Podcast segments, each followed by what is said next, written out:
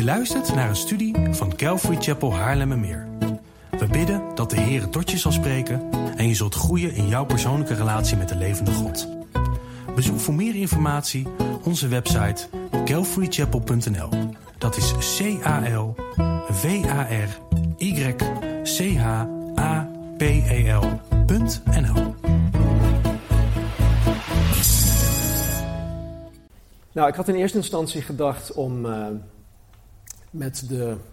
Even kijken, gaat die uit? Ja, met de Route 66 uh, studie verder te gaan. Maar soms gaat dat anders. In uh, mijn tijd van voorbereidingen, mijn tijd van gebed. En dit was zo'n geval. En ja, wat ik dan al eigenlijk grotendeels klaar had voor vandaag over het Bijbelboek Spreuken, um, moest ik weer opnieuw beginnen. Dus. Um, maar goed, dat, dat gaat soms zo. Um, want ik, had, ik heb iets op mijn hart gekregen om, om iets anders met jullie door te nemen. En ik denk, ik denk dat ik de, de stem van de Heilige Geest goed heb verstaan. Maar dat moet nog blijken. Um, maar goed, even, ik neem even een slok.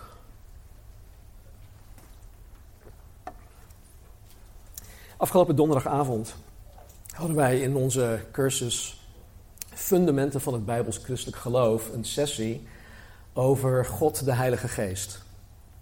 We hebben we drie sessies geleden, of twee sessies geleden, hadden we God de Vader belicht en God de Zoon en deze keer God de Heilige Geest.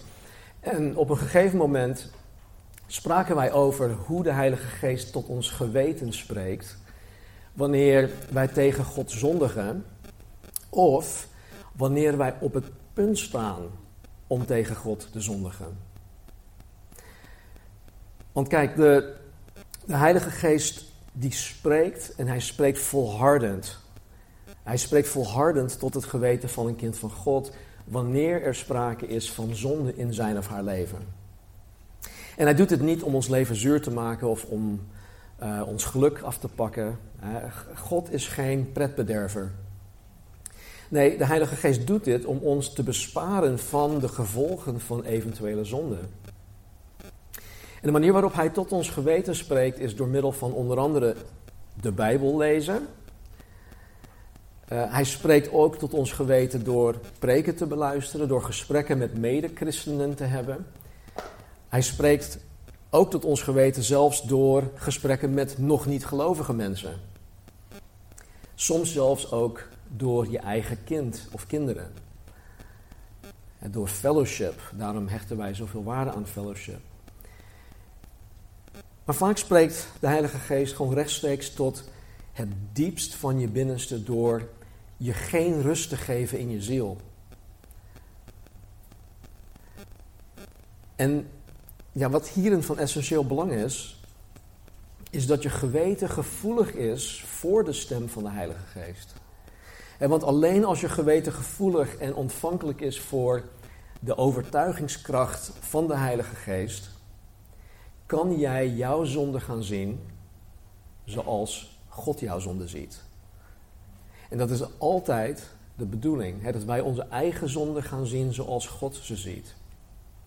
Want dan pas hebben wij de juiste kijk op onze zonde.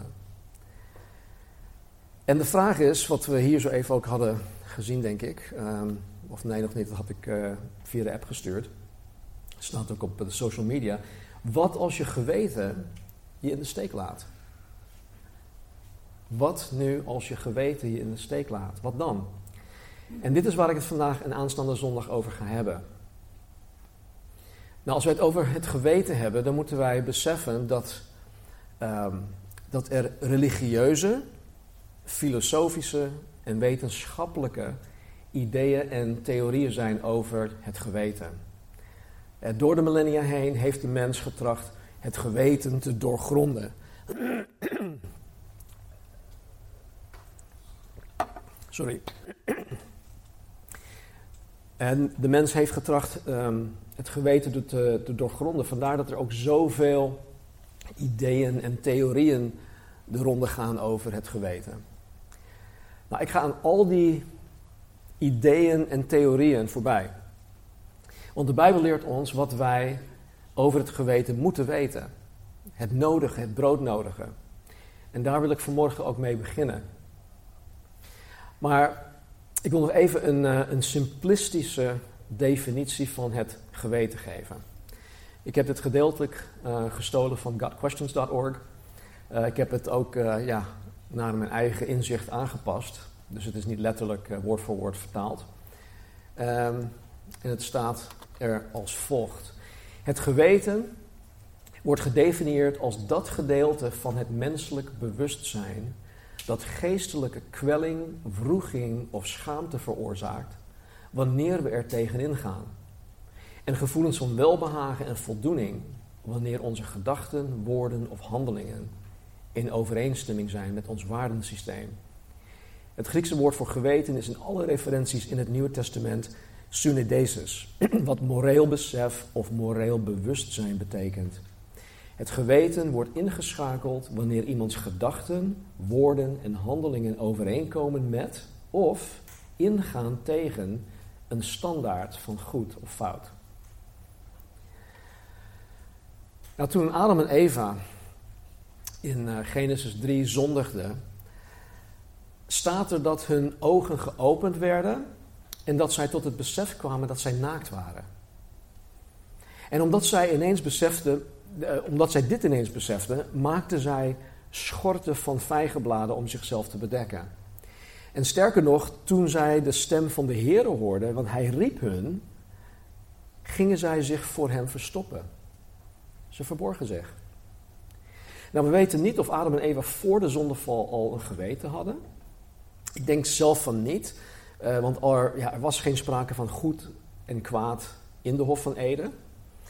Maar na de zondeval zien wij in Genesis 3 de eerste werking van het geweten in de mens. En nadat zij hun zondige daad gepleegd hadden, werden zij ervan bewust. En het gevolg daarvan was dat zij zich schaamden. En omdat zij zich ook schuldig voelden, verborgen zij zich voor God. En zekere Herman Bavink, de Nederlandse theoloog uit de 19e en 20e eeuw, schreef dit over het geweten. De werkzaamheid van het geweten blijft altijd dezelfde. Het is altijd veroordelend van aard. Het is de bewustheid verkeerd gehandeld te hebben. Het geweten openbaart zich dus na de daad. Einde citaat.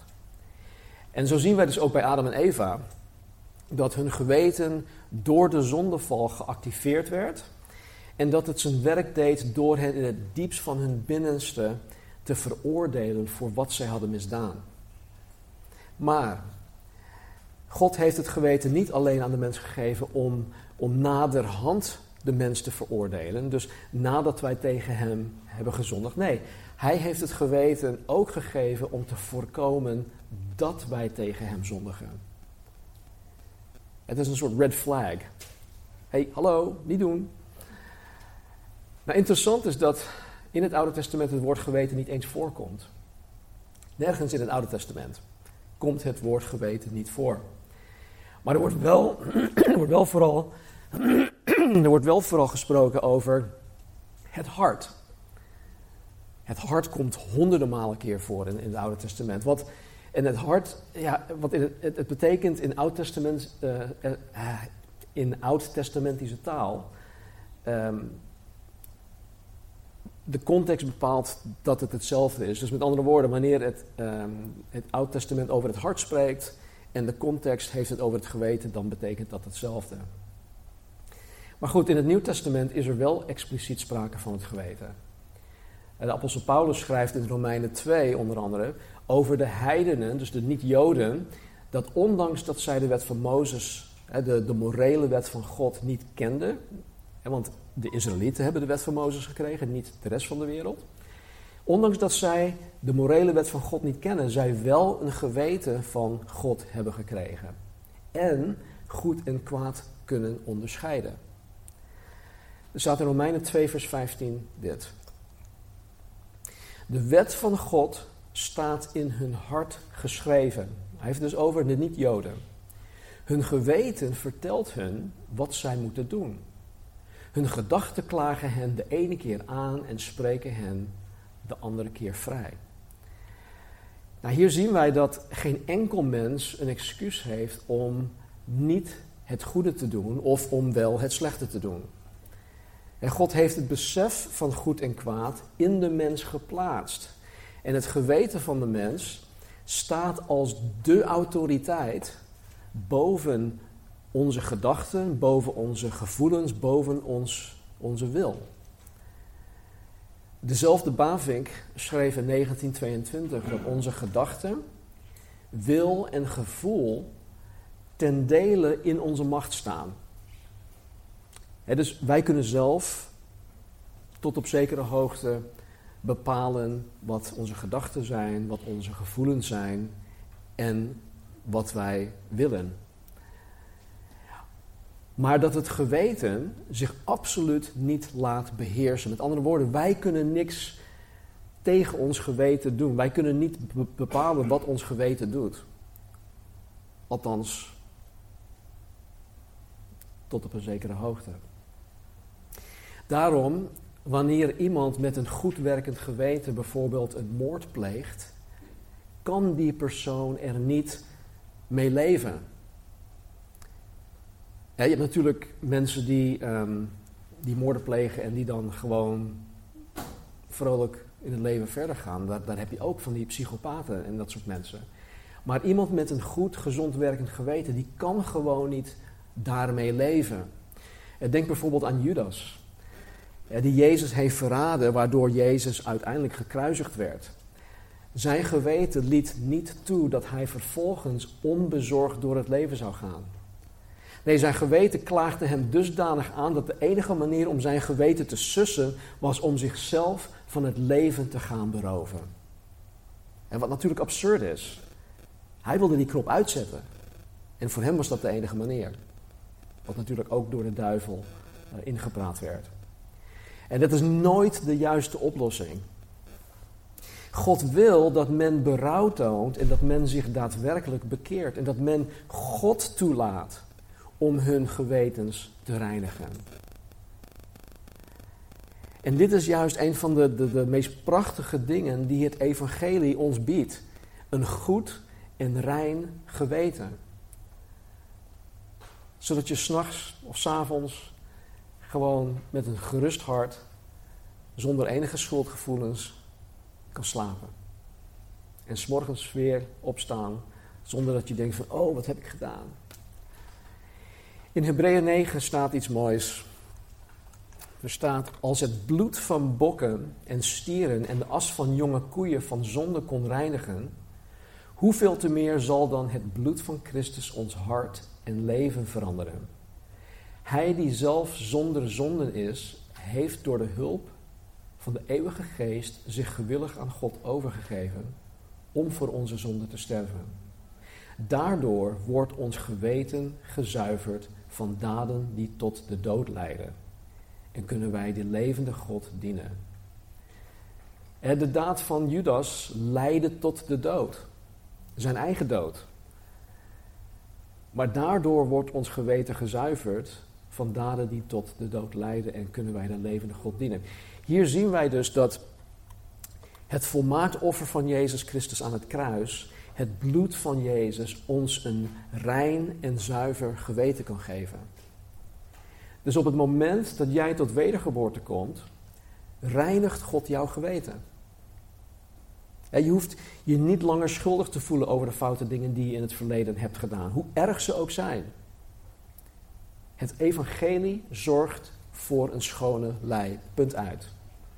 Dus ieder mens heeft van God een geweten gekregen en ieder wedergeboren mens kan opnieuw beginnen met een schone lei, met een gereinigd geweten, een goed geweten.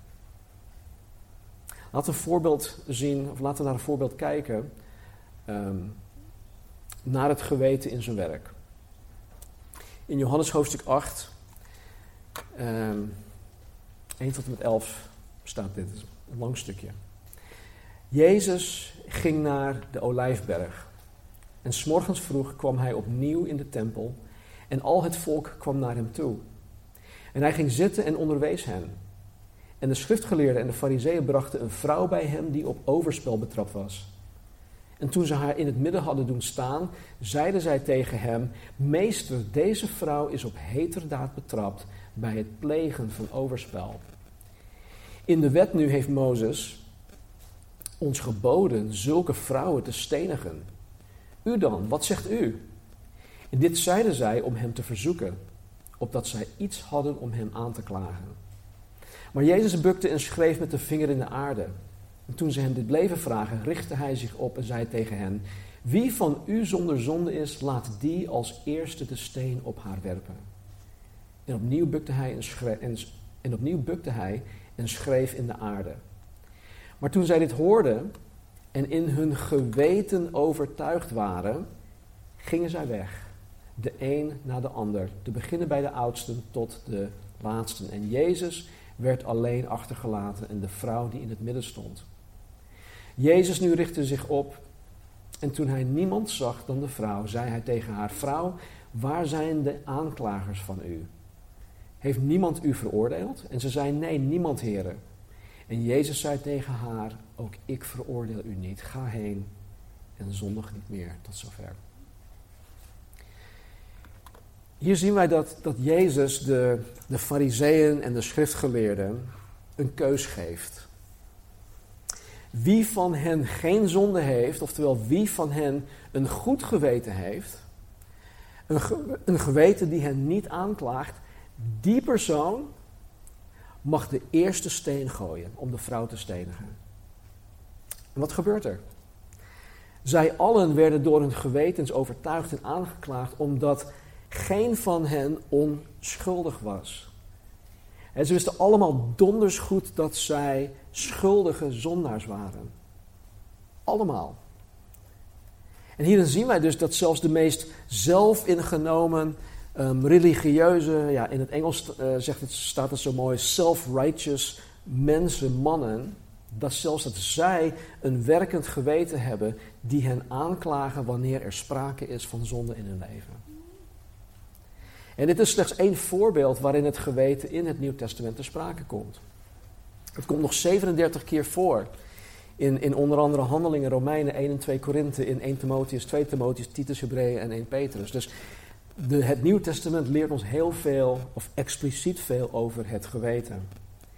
En in de meeste gevallen spreekt het Nieuw Testament over een goed werkend geweten. Maar er zijn ook enkele voorbeelden waarin de Bijbel spreekt over een geweten dat niet goed werkt.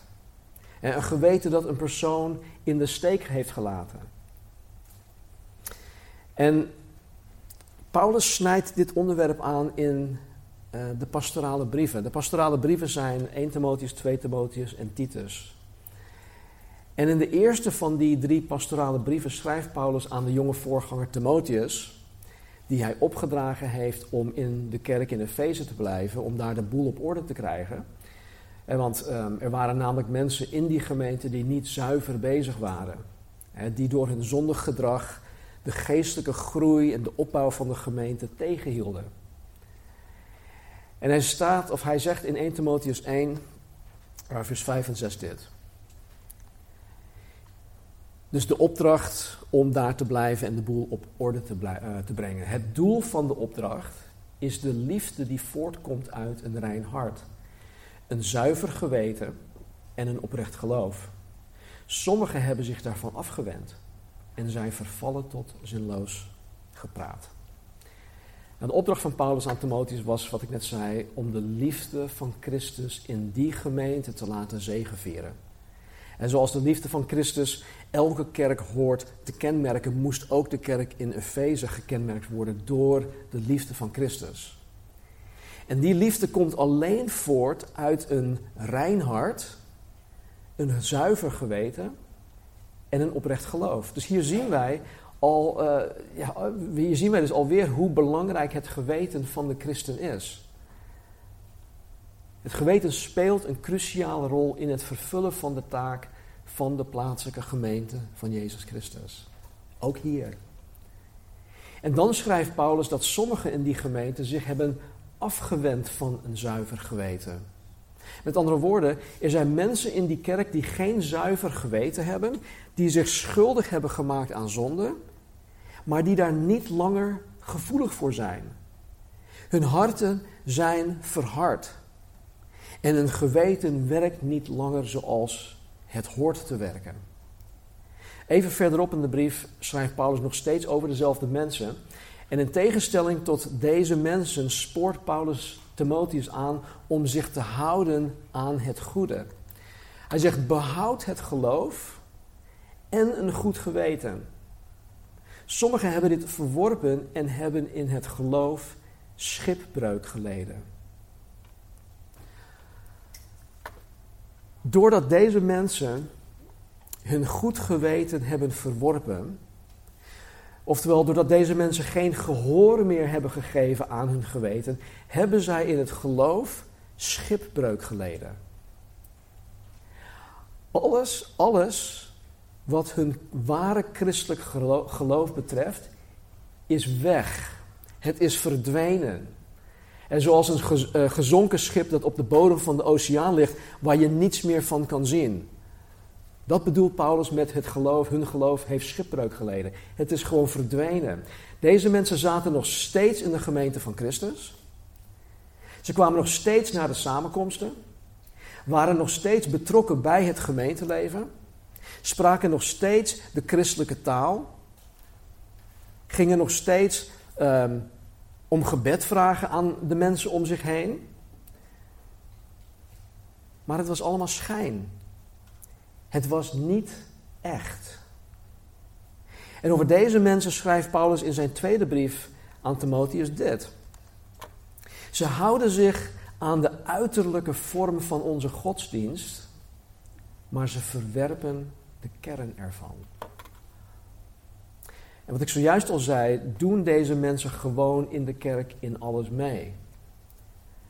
En ze beleiden een christen te zijn, ze zijn zelfs gedoopt, maar zij verloochenen de, uh, de Heere Jezus die zij beweren na te volgen. In Titus 1 schrijft Paulus ook over dit soort mensen die in de kerk zitten. Wie zuiver van hart is, ziet in alles het goede en zuivere. Prijs de Heer voor dit soort mensen. Maar wie in zijn hart slecht en onbetrouwbaar is, ziet in alles het slechte. Want zijn gedachten en geweten zijn bezoedeld. Zulke mensen zeggen wel dat zij God kennen, maar uit hun doen en laten blijkt dat het niet waar is.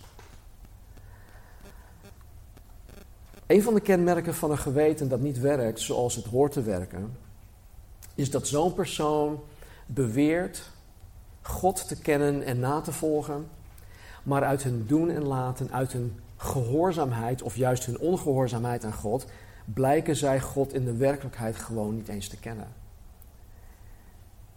Nog even terug naar de eerste brief aan Timotheus. Hij schrijft, of Paulus schrijft, dat er mensen in de kerk zijn die hun eigen geweten zelfs hebben dichtgeschroeid. Dit is een heel bijzonder beeld. En ehm, jaren geleden had mijn vader daarbij, daar mij, had, hij, had mij daarbij geholpen. Uh, totaal onbewust, want we hadden het over totaal iets anders, maar dit gaf mij wel een heel duidelijk beeld. Hij vertelde wel eens verhalen over uh, zijn ervaringen in de Tweede Wereldoorlog. En hij vertelde over medesoldaten die dusdanig verwond raakten dat als de hospik hun verwondingen niet met een gloeiend heet stuk ijzer um, dichtschroeide, zij of dood zouden bloeden, of dood zouden gaan vanwege bacteriën die uh, de wond van buitenaf zou binnendringen.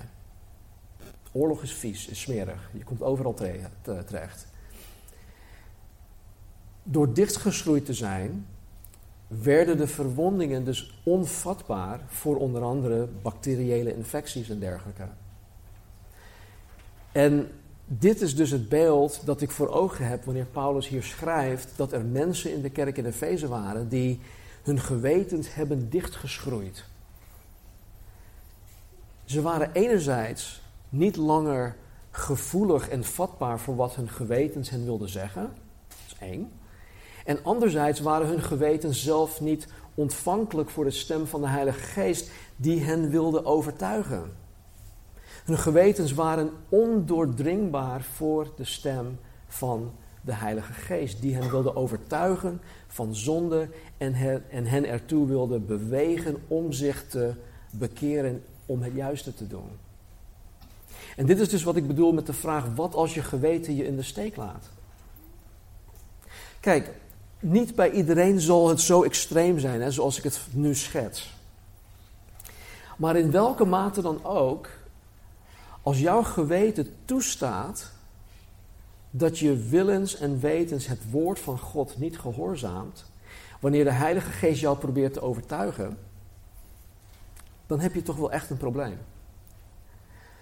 Het gevolg daarvan is dat je niet langer in staat zal zijn om te kunnen onderscheiden tussen goed en kwaad, tussen Gods wil en je eigen wil, tussen God echt gehoorzamen en God denken te gehoorzamen. Dat onderscheidingsvermogen ben je gewoon kwijt. En omdat God een genadige, geduldige en zegenende God is, zal je jezelf gaan wijsmaken, omdat God jou nog steeds zegent, hij het niet zo erg vindt dat je hem niet gehoorzaamt. Hè? Dat je willens en wetens de weg van de zonde bewandelt. En hoe meer je geweten je in de steek laat, hoe meer je je eigen leven zal gaan leiden, je eigen ding gaan doen. Hoe meer je zonde oké zal gaan vinden. Hoe meer je van God zal afdwalen. Hoe minder ontvankelijk je zal zijn voor correctie en voor vermaning. En kijk, dit gebeurt niet van de ene dag op de andere dag. Het is niet zo dat je opeens wakker wordt op een dag en zegt: Weet je wat? Ik zet die knop van mijn geweten uit. Nee, het is een geleidelijk proces. Het begint met een compromis. Het begint met het incidenteel toegeven aan een kleine zonde.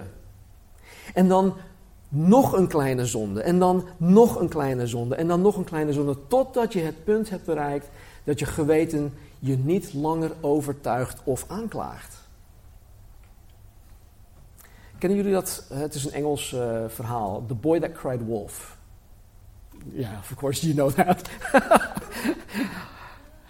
uh, het is een verhaal over een jongetje die, die ergens ja, in een weiland is. En dan is hij is alleen met zijn schaapjes of zo. En dan um, roept hij ineens: Wolf, wolf, wolf. Nou, dan komen dus ouders eraan. Haha, er is geen wolf. Nou, hij doet dit zo, ja, meerdere malen doet hij dat. Tot op een gegeven moment hij wolf roept. En is echt, deze keer was er echt een wolf. Maar ja, zijn ouders dachten van ja, hij roept maar wat. Weet je, en dat is dan ook met ons geweten. Je, je, je, je kan een punt bereiken dat, ja, dat je gewoon niet langer gevoelig bent voor de overtuigings um, kracht van de Heilige Geest. En wat dan? Ja, in plaats van dat je alleen nog maar incidenteel toegeeft aan kleine zonden, bevind je jezelf op die plek waar je nu in, in staat bent om schaamteloos en openlijk grove, structurele zonden te begaan. En dit gebeurt er met jou wanneer je geweten je in de steek laat. De apostel Johannes schrijft in 1 Johannes over de christen die niet structureel, die niet willens en wetens in zonde blijft of kan blijven leven, omdat dat absoluut niet rijmt met het christen zijn. Weet je, christen, het woord christen, dat werd voor het eerst gebruikt toen christenen in Antiochië. Het was eigenlijk een soort scheldwoord. Want zij werden beschimpt door de, de mensen om hen heen in de wereld. En ze zeiden, ja, dat zijn die mensen die zijn als Christus. Nou, christen betekent dus als Christus. En wij mogen die naam dus niet, uh, ja, wij mogen die naam met heel veel trots dragen als wij dat ook daadwerkelijk zijn.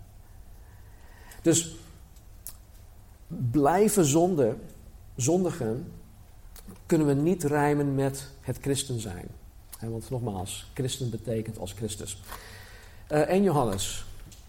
Het is zo'n mooi stuk. Wat heeft de Vader geweldig veel liefde voor ons? Wij heten niet alleen zijn kinderen, wij zijn het ook.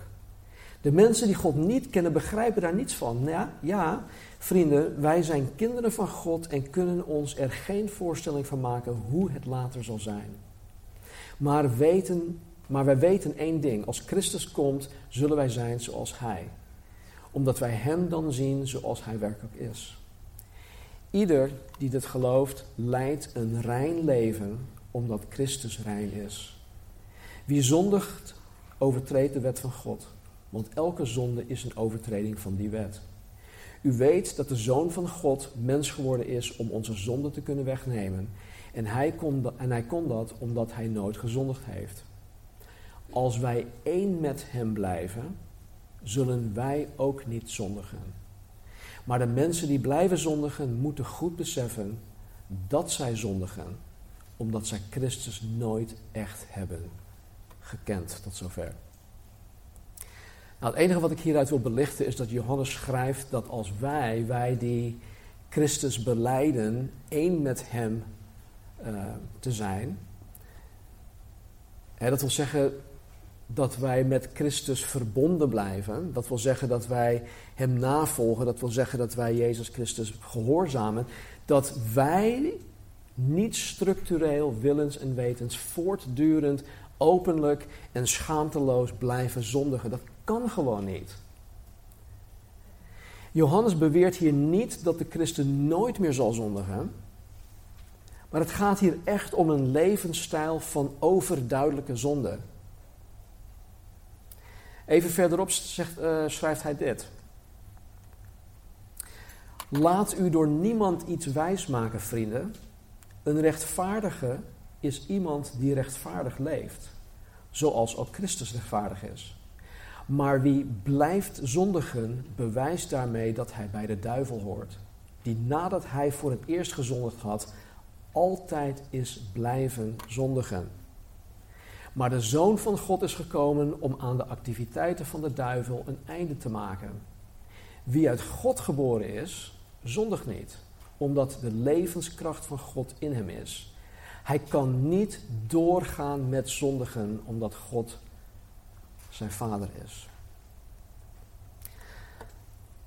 De reden waarom ik dit aanhaal is omdat wij als wedergeboren christenen er bewust van moeten zijn dat ons leven nooit gekenmerkt mag worden door onberouwvolle zonde. Dat voortvloeit uit een geweten dat ons in de steek heeft gelaten. En als de Heilige Geest jou vandaag hierop aanspreekt, dan is dit echt serious business. Het is code blauw. En als je geweten jou nog, nu nog overtuigt of aanklaagt, dan is het voor jou gewoon niet te laat. Je kan daar nog iets mee, je moet daar iets mee. Maar als jouw geweten ondoordringbaar is, zoals van diegenen wiens gewetens dichtgeschroeid waren, dan moet je jezelf afvragen of je überhaupt een wedergeboren christen bent.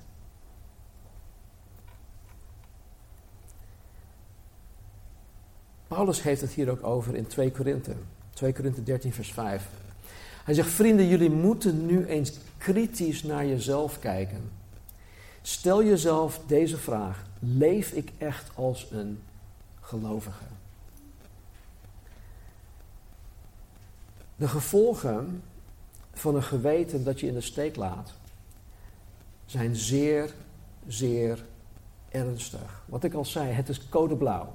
Code blauw is, een, is, is de ziekenhuiscode die uitgeschreeuwd wordt wanneer een patiënt door bijvoorbeeld een hartaanval dreigt te overlijden. Ze hebben een monitor en, en, zien een hartslag en ineens heb je een flatline. hey, die persoon die heeft hulp nodig. Anders redt hij het niet. Code blauw. En zo ernstig is het wanneer je geweten je in de steek laat. Het is code blauw. Er zijn specifieke gevolgen. En waar ik het aanstaande zondag over ga hebben. Maar niet alleen de gevolgen, ook Gods remedie. God heeft hiervoor een remedie en Hij wil ons hierbij helpen. En kijk, misschien geldt dit vandaag totaal niet voor jou. Prijs de Heer daarvoor. Maar het is wel belangrijk dat je dit weet. Dat je dit kent. Want ik weet zeker dat je op een gegeven moment iemand tegen zal komen die dit moet horen.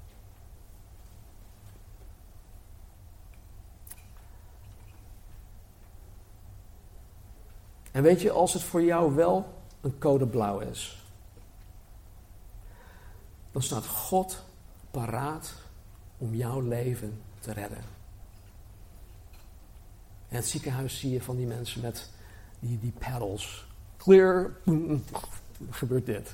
om, om, om, het hart weer op, op, op, uh, op te starten. En God staat paraat om jou te helpen. Hij wil het. Maar de keus, de keus ligt bij ons, de keus ligt bij jou. En de vraag is, wil jij het? Wil jij het? Ik weet dat dit een soort cliffhanger is, maar um, ik ga volgende week hiermee verder.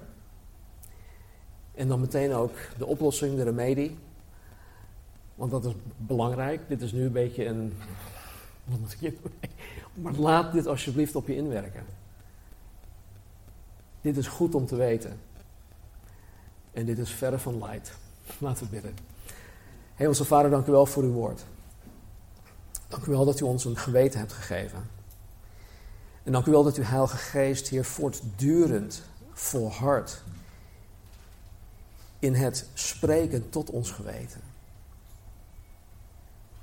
Wanneer wij gezondigd hebben, Heren, om ons te laten inzien dat wij gezondigd hebben. Of, onszelfs, of om onszelf te behoeden van eventuele mogelijke zonden die we zouden begaan. Dank u wel dat u ons daarvoor wil behoeden. Dus heren, voor degene die, die in zo'n situatie zit,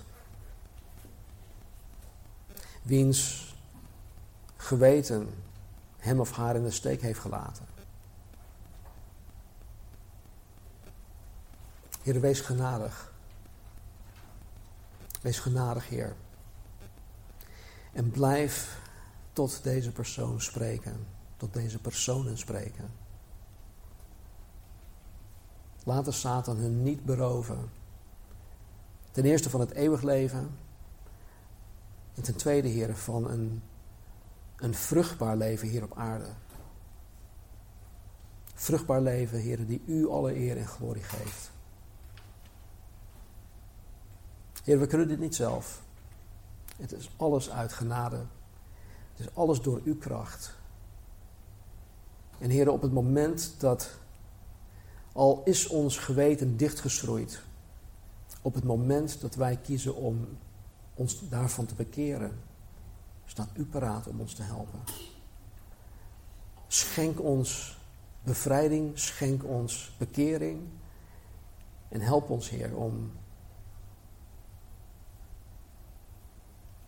om u binnen te laten. Doe met ons wat u wil. Tot eer en glorie voor, eh, van uw naam.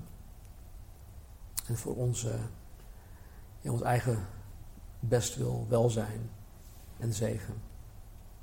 In Jezus' naam bidden wij. Amen. André gaat nog uh, afsluiten met twee liederen. Ehm, maar ik wil afsluiten met dit stuk wat ik zo even al heb gelezen.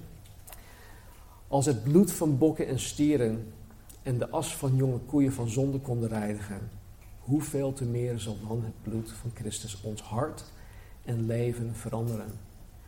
Hij die zelf zonder zonden is, heeft door de hulp van de eeuwige geest zich gewillig aan God overgegeven om voor onze zonden te sterven. Daardoor wordt ons geweten gezuiverd van daden die tot de dood leiden. En kunnen wij de levende God dienen. Laat de Heer toe in je hart om jouw geweten te zuiveren. Tot eer en glorie van Zijn naam. En voor je eigen bestwil. Voor je eigen zegen. Gezegende week geniet nog van de fellowship hierna. En laten we samen nog eh, zingen.